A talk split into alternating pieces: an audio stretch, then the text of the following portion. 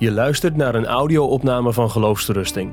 De video die bij deze opname hoort kun je vinden op onze website. Goed, mijn eerste half uur was, zoals ik zei, meer een college. Uh, tweede half uur wordt uh, meer praktisch. Dus ik spreek uh, vanavond ongeveer twee keer een half uur. Je moet je gedachten er wellicht goed bij houden om het allemaal te volgen. En er zit wat vreemds in, want mijn bedoeling is juist om uit te leggen en duidelijk te maken hoe eenvoudig het Bijbelse spreken is over geloven. Dus ik heb een uur nodig om uit te leggen dat het eenvoudig is. Ik kreeg een tijdje geleden een mail van een oude man, ver in de tachtig schreef hij. En die had uh, wat, wat lezingen, denk ik, van mij uh, bekeken in de achterliggende tijd. En hij, was bezorgd. Hij zegt, als ik uw lezingen bekijk, dan, uh, dan denk ik dat ik heel veel moet weten. Maar het is toch het eenvoudige geloof dat ons vergeving de zonde geeft. Nou, ik heb die man meteen teruggemaild en gezegd: Meneer, u hebt helemaal gelijk. ik zou het erg vinden als ik met mijn lezingen de indruk geef dat het moeilijk is, ingewikkeld is, dat je heel veel moet weten, snappen, begrijpen voordat je, voordat je kunt en mag geloven. Dat is niet zo. dus houd dat voor ogen. Deze twee lezingen van deze avond ook zijn ervoor bedoeld om jou duidelijk te maken dat de Bijbelse boodschap heel eenvoudig is. Dat geloven, eenvoudig geloven, voldoende is om zalig te worden. Dat zegt Efeze 2, vers 8. Wij worden niet zalig door de werken, zegt vers 9, maar door het geloof. Door te geloven, door te vertrouwen. We hebben niets anders nodig dan alleen dit, eenvoudig te geloven wat God zegt. Eenvoudig ons toe te vertrouwen aan de zaligmaker Jezus Christus. En bovendien zegt dat vers erbij, is God zo goed dat Hij er ook nog voor zorgt dat jij gaat geloven. Hij veroorzaakt dat. Hij biedt niet alleen aan die bedelaar een grote gave aan. Hij zegt, joh, ik raad jou aan om dit aan te nemen. Dat doet hij zeker ook. Maar God doet nog meer. Hij geeft de bedelaar tevens de hand, zodat hij kan aannemen. God veroorzaakt dat die bedelaar aanneemt. Dus gelukkig is ons hart niet een eilandje waar God omheen gaat en waar hij afblijft. En hoogstens met wat adviezen en aansporingen en aanbiedingen ons probeert te beïnvloeden, zodat wij zelf op een gegeven moment de balans opmaken en zeggen, nou ja, laat ik uit vrije wil geloven. Maar God werkt daarin. Hij veroorzaakt het. Hij doet het krachtig en onfeilbaar. Hij zegt, ik zal er zelf voor in staan dat je gaat geloven. Hij geeft ons het geloof, hij geeft ons te geloven. Zo ver reikt de invloed en de genade van God. Het is, het blijft onze geloofsdaad, in de zin dat wij er volop betrokken bij zijn. En tegelijkertijd is het zijn geschenk en gave en is het door God veroorzaakt dat wij geloven. Nou, ik, ik ga een paar vragen stellen hè, die opreizen in hele praktische zin, waar je misschien mee worstelt. Hoe weet ik of God mij het geloof gegeven heeft? Als de gave is, hoe weet ik dan of God het gegeven heeft? Heel eenvoudig, als je gelooft. Als je gelooft. Dan weet jij dat God jou dat gegeven heeft. Ik hoef niet op zoek naar een ding van binnen, naar het geloof. Ik hoef mijn hart niet te onderzoeken of dat er wel is of niet. Ik hoef mijzelf niet de vraag te stellen, ja maar is God nu begonnen of ben ik begonnen? Maar ik hoef eenvoudig een vraag te stellen. Geloof je? En als je die vraag beantwoordt met ja, ik geloof, dan weet je daaruit dat God jou dat geloof gegeven heeft. Zo vind ik het in de Bijbel. Toen Jezus het gesprek voerde in Johannes 11 met Martha. En hij zei, ik ben de opstanding en het leven, wie in mij gelooft. Hè, we kennen die teksten. Toen vroeg hij niet, Martha, heb jij het geloof ontvangen? Maar hij stelde eenvoudig de vraag, Martha, geloof je dat? En Johannes, Johannes 9, die blindgeborene, dus stelde Jezus die vraag aan die man, gelooft u in de Zoon van God? Ja, hij gebruikte die, dat werkwoord. Die, hij vroeg naar die daad van geloven, die daad van vertrouwen. En allebei, en Martha en die man, die zeiden: Ik geloof. Ik geloof. Dus hoe weet ik of God mij geloof gegeven heeft? Het antwoord is: als je gelooft. Nou is dat moeilijk om te weten dat je gelooft. Nee. Het is eigen, het is wezenlijk voor het geloof dat je weet dat je gelooft. Dat geldt voor zoveel dingen in het leven. Als je angst hebt, voel je je angstig. Je kunt niet zeggen, er zit angst van binnen, maar ik, ik voel dat niet. Nee, dan heb je ook geen angst.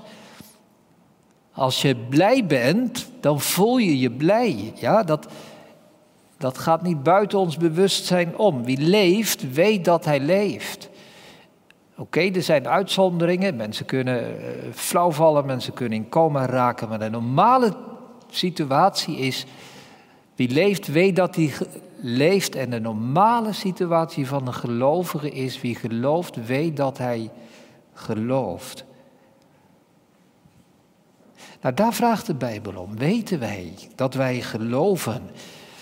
Kun je zeggen, ja, dat, als God er maar vanaf weet, hoef ik het niet te weten. Nou, dat is niet zo. want neem dat vers uit Efeze 2, dat gedeelte dat Marcel volgelezen heeft. Er staat niet, er zijn mensen die zalig worden en aan die mensen heeft God het geloof gegeven. Er staat, maar uit genade bent u zalig geworden. Ja, dus het is veel meer dan een beschrijving van mensen die er zijn en die en zo. Maar het gaat concreet over de mensen in Efeze. Het gaat ook in veel van die versen in de ik-vorm, in de wij-vorm. Ook toen wij dood waren in zonde en misdaden, toen heeft God ons opgeraapt en levend gemaakt. Ja, dat is geen dogmatische beschrijving over levendmaking, maar dat is een boodschap die ons meeneemt in de lofprijzing en zegt, maar God die rijk is in barmhartigheid, heeft mij levend gemaakt. Uit genade ben ik zalig geworden. Hoe weet je dat? Ik geloof. En God gaf mij dat geloof. Zie je dat verband? Hoe belangrijk dat is? Het is een gave van God. Dus zodra jij zegt ik geloof, lijkt dat misschien heel weinig. Maar je zegt in de lijn van Efeze 2 daar veel meer bij. Je zegt, Heere God, u hebt met uw eeuwige liefde naar mij omgezien. En u bent niet voorbijgevaren aan dat eilandje van mijn hart. Maar u hebt erin gewerkt. En u hebt zo onfeilbaar in mij gewerkt dat ik ben gaan geloven. Die verwondering klinkt door in Efeze 2. Maar God. Maar God, na die eerste drie versen waar de toestand getekend wordt van dode mensen die doen wat ze zelf willen en wat hun gedachten ingeven onder de invloed van de overste van de lucht, in de duisternis. Zo waren wij ook. Maar God, die rijk is in barmhartigheid door zijn grote liefde, heeft ons levend gemaakt. Want wij zijn uit genade zalig geworden door te geloven. En dat geloven is niet uit mijzelf, maar het is de gave van God dat ik geloof. Ja, dus de Bijbel die belooft niet alleen het eeuwige leven, maar ook de rust van je ziel, waardoor je dat weet. De Bijbel zegt niet dat er vrede is tussen God en de gelovigen, waar God dat als enige weet. Maar, Romeinen 5 vers 1, wij dan, gerechtvaardigd door te geloven, hebben vrede met God. Je mag dat weten. Psalm 116 zegt, gij zijt verlost. Keer mijn ziel tot uw rust te weder, gij zijt verlost. God heeft u wel gedaan. Ik kom weer terug hè, op die tegenstelling, die tweedeling van geloof als ding of geloof als daad. Ik denk dat de aandacht voor geloof als een soort ding jou afleidt van de Heer Jezus Christus en je richt op jezelf. Het richt je op jezelf. Want als een geloof, het geloof dat ding is, die eigenschap, dat vermogen, die hebbelijkheid wordt er dan wel gezegd met het oud-Nederlandse woord. Als dat geloof, als je daar naar op zoek moet gaan, ja, waar kijk je dan naar? Naar jezelf. Maar als het gaat over het geloven, dan komt de vraag, geloof ik Christus?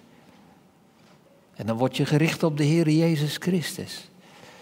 Ja, dus er wordt wel vaak gezegd, laten we het maar niet hebben over die daden van geloof. Hè? Al die mensen die het maar hebben over, je moet geloven, dat is, dat is gevaarlijk. Je kunt maar beter je afvragen, heb ik dat geloof ontvangen? Ja, maar dan moet je dat gaan onderzoeken. En dan stel ik de vraag, hoe weet ik dat? Nou, ik weet het niet. Ik weet het niet. Moet ik mijn eigen donkere, duistere hart onderzoeken? Hoe kom ik daarachter? Hoe weet ik dat? Wat zijn de kenmerken daarvan? Nou, dat kom ik vaak tegen. En wellicht ben jij ook zo iemand. Je zegt, dominee, ik weet het niet. Ik weet het niet. Ik verlang ernaar, maar ik weet het niet of ik het geloof ontvangen heb. En vervolgens wordt dat gewoon gevonden. Ja, hè, veel mensen hebben het geloof, maar ze weten het zelf niet. Dat is niet wat de Bijbel zegt. We beroven elkaar en onszelf van die troost, hè, die mooie lijn in Efeze 2. Maar we beroven ook God van zijn eer en de dankzegging. Want als jij niet weet of je gelooft, zul je nooit God danken voor de gave die Hij jou gegeven heeft. En je zult nooit mee zeggen, maar God die rijk is in zijn barmhartigheid, heeft ons levend gemaakt, ook mij. Want ik was dood in zonde en misdaden. Dus het is wel heel belangrijk hè, dat we kritisch worden. En de Bijbel goed lezen en bij geloof niet aan dat ding denken, maar aan die daad.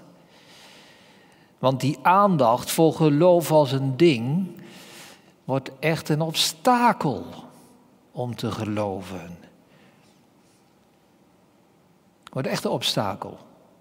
Kijk, ik gaf net dat voorbeeld. Hè? Als, ik, eh, als ik mijn arm beweeg, en nu ik het voorbeeld noem, dan ben ik mij bewust dat ik mijn arm beweeg. Maar als ik gewoon aan het praten ben, dan maak ik ook bewegingen en dat gebeurt vaak onbewust.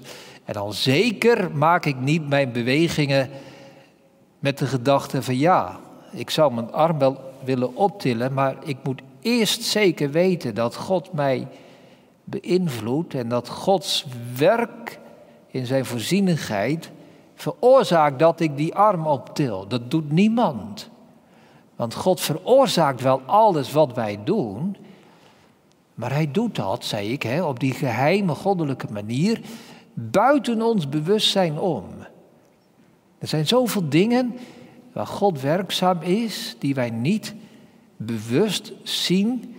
Het zou wel raar zijn als we alles bewust zouden willen doen.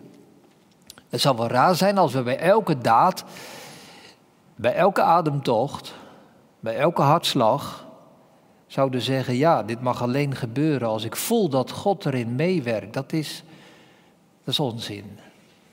Nou, dan moeten we het bij het geloof ook niet doen. Want dat geheim van God is dat hij inderdaad in ons hart werkzaam is. Dat hij op zijn goddelijke manier veroorzaakt dat wij geloven. Maar het gaat buiten ons bewustzijn om. Het enige wat wij wel bewust weten en doen, is geloven. Daar ben je voluit bij betrokken, dat weet je. Ja, dus daar komen prachtig die twee lijnen in samen. Wie gelooft, die zegt ja, het was mijn daad. Ik geloof, zei die vader. Johannes in Marcus 9. En tegelijkertijd is het de gave van God. Dus als wij alleen maar bezig zijn en zeggen: Ik moet mij eerst bewust zijn, ik moet het eerst gemerkt en gevoeld hebben dat God in mij het geloof veroorzaakt en dan pas ga ik geloven. Ja, uiteindelijk zijn we heel ongelovig bezig. Hè? Heb je daar wel eens over nagedacht? Als jij denkt, ik wacht met geloven, want ik wil eerst zeker weten dat God mij dat gegeven heeft, iets van binnen, dat God dat veroorzaakt heeft, dan hoor je de stem van God in zijn woord die jou oproept om te geloven en je zegt, nee God, ik doe het niet. Want ik wil eerst voelen dat ik het geloof heb gekregen. Dat is ongeloof. Dat is wantrouwen. Dan wijs je hem af. Het is waar, God moet in ons in het geval dat hij ons geloof geeft, moet hij meer doen dan in het geval dat ik mijn arm beweeg. En als theologen dat meer gaan uitdiepen en gaan beschrijven en daar iets van een ding van geloof, hè, die hebbelijkheid, de habitus, zeiden ze in Latijn, eh, geloofsvermogen. Prima, laat die theologen dat maar omschrijven, maar laat het jou niet belemmeren om te geloven. Want God werkt in alles wat Hij doet hierop aan dat wij geloven. Nergens in de Bijbel staat dat, hè, dat je moet wachten. Wachten totdat je weet dat God jou dat geloof van binnen gegeven heeft. Dat is wel een teken van ongeloof, niet van geloof. Nog een punt geloven als die daad, hè, die bewuste daad van vertrouwen, is onmisbaar om zalig te worden. Hier komen de ruimte van het evangelie en de ernst van het evangelie samen. Net zo goed als in Efeze 2. Die eerste paar versen waren duidelijk. Wij waren dood, wij allemaal, zegt Paulus. Hoe vroom hij ook was opgevoed, hoeveel hij van de Bijbel wist. Maar hij was dood, vijanden van God, onder de macht van de Satan. En er is maar één manier om daaronder vandaan te komen. Dat is geloven, vertrouwen. Dus al die dominees die zeggen: het gaat erom dat jij het geloof hebt en of je dan ook werkelijk met de daad je vertrouwen op de Heer Jezus stelt, is niet meer zo belangrijk. Het wrange daarvan is dat die dominees met minder genoegen nemen dan God. Want God neemt niet genoegen met iets van binnen wat jij bezit, het geloof als een ding. God vraagt van jou, geloof met de daad, bewust, met overtuiging dat je je overgeeft aan de Heer Jezus Christus. En zolang je dat niet doet, hè, ben je nog even dood en verloren als altijd. En ben je nog onder de macht van de overste der lucht. En doe je nog steeds wat er uit je eigen hart opborrelt en naar boven komt. Die bedelaar, nog een keer, is niet rijk omdat hij een hand heeft, maar hij is pas rijk als hij zijn hand uitstrekt en aanneemt wat de rijke hem geeft. Je kunt honderd keer zeggen, ik heb het geloof, Maar als je die hand niet uitstrekt en Christus niet aanneemt, ben je dood en verloren en armzalig. Dat is de taal van de schrift. Dat is nodig, dat wij met de daad geloven. Dat wij ons aan de Heer Jezus Christus vastgrijpen. En dat je bewust, met overtuiging, misschien wel bevend, dat kan, maar toch van harte zegt, Heere Jezus, ik geloof, ik vertrouw u.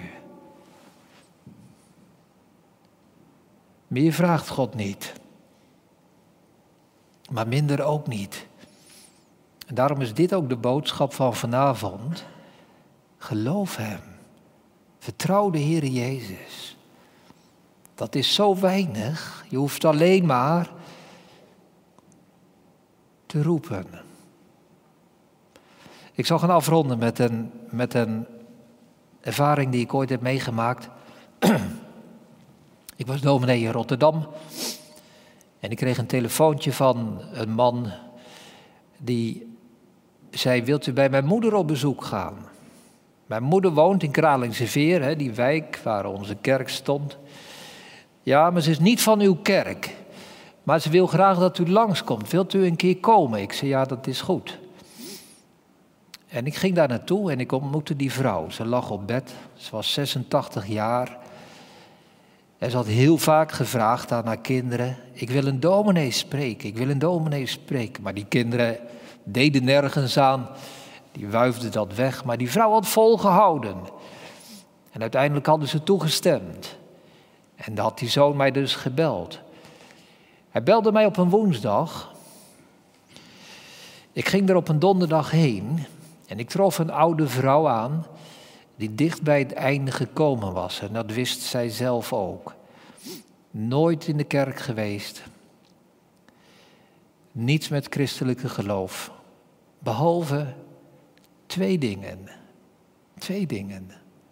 Deze vrouw vertelde mij dat zij als klein kindje naar de zondagschool ging. Dus zij was nu 86, dat was zeg maar 80 jaar geleden dat zij verhalen had gehoord over Jezus die de goede herder is. En andere verhalen. En de tweede, ze vertelde mij dat ze nog wel eens op zondag luisterde naar Nederland zingt. Meer had deze vrouw niet aan geestelijke bagage meegekregen in haar hele leven. En ik zat bij haar bed en ik bad om wijsheid. Ik dacht, wat moet ik zeggen? toen vroeg ik haar, kent u nog die gelijkenis van, die, van het verloren schaap? Ja, ja, dat wist ze nog, dat wist ze. Ik zei, dat verloren schaap, mevrouw, dat bent u. En dat beaamde zij, want ze was bang om te sterven. En ze vertelde mij, er zijn dingen in mijn leven die niet goed zijn. Zij wist dat zij geoordeeld zou worden. En ze zag op tegen die ontmoeting. Ik zei, mevrouw, u bent dat verloren schaap. En dat verloren schaap kan niet meer bij de herder komen. Maar de herder kan wel bij het schaap komen. Dat schaap hoeft alleen maar te roepen. En dan komt de herder. Zullen wij dat samen doen? Ja, graag, zei ze. En ze vouwde zelf al haar handen en ik heb mijn handen eromheen gevouwen. En we hebben samen gebeden naar de goede herder. Of hij dit arme verloren schaap van 86 jaar zou willen opzoeken. Ben de dag erop daar weer heen gegaan, die vrijdag. Ze was niet meer aanspreekbaar. En die zaterdag kreeg ik bericht dat ze overleden was. En ik heb mij verbaasd over hoe God zijn weg met mensen gaat. En met deze vrouw, toen ze zes jaar was, zeg maar, in haar leven werkte. En erop terugkwam toen ze 86 was. En mijn hoop is niet op die vrouw, maar op de goede herder. En mijn hoop is niet op jullie gevestigd, maar op de goede herder. Als je vanavond tegen hem zegt, Heer, Efeze 2, dat ben ik. Maar ik vertrouw u. Als u zegt dat u de zaligmaker bent, dat u de goede herder bent, dan komt hij. Dan gaat hij zoeken. Dan vindt hij jou. Dan neemt hij jou in zijn armen. En dan zal er vreugde zijn. Vreugde omdat iemand die dood was, levend geworden is. En uiteindelijk gaat het daarover in de Bijbel, in Efeze 2, dat wij die lof aan God toeschrijven. De Dotse leerregels zeggen dat prachtig in hoofdstuk 3, 4, 10. Als je nu terugkijkt op je leven, als je denkt aan die woorden die je in de stilte van je hart voor God hebt uitgesproken, ik geloof. Aan wie schrijf je dat nu toe? Zeg je nou, goed gedaan hoor, mooie keuze gemaakt. Mooie afweging gemaakt. Ik dacht op een gegeven moment toch wel goed als ik eens ga geloven. Nee, staat er, wij schrijven dat niet toe aan onze eigen vrije wil. Wij schrijven dat toe aan God. Nou, dat is Efeze 2. Het geloven is een gave van God. Dus zodra je hier vanavond zit en zegt, Heere Jezus, ik vertrouw u op uw woord. Ik roep u aan als een verloren schaap. Dan mag je erbij zeggen. Ook dat heeft God mij gegeven. Zo is God. Zo is de genade van God. Als Hij jou zalig wil hebben, dan maakt Hij jou zalig. Als jij geen geloof hebt, veroorzaakt Hij geloof. En als Hij jou geloof geeft, ga jij zeggen, en ik hoop dat je het doet, vanavond, ik geloof. Amen. Je luistert naar een podcast van Geloofsterusting. Wil je meer luisteren, lezen of bekijken? Steun dan ons werk en ga naar de website geloofsterusting.nl.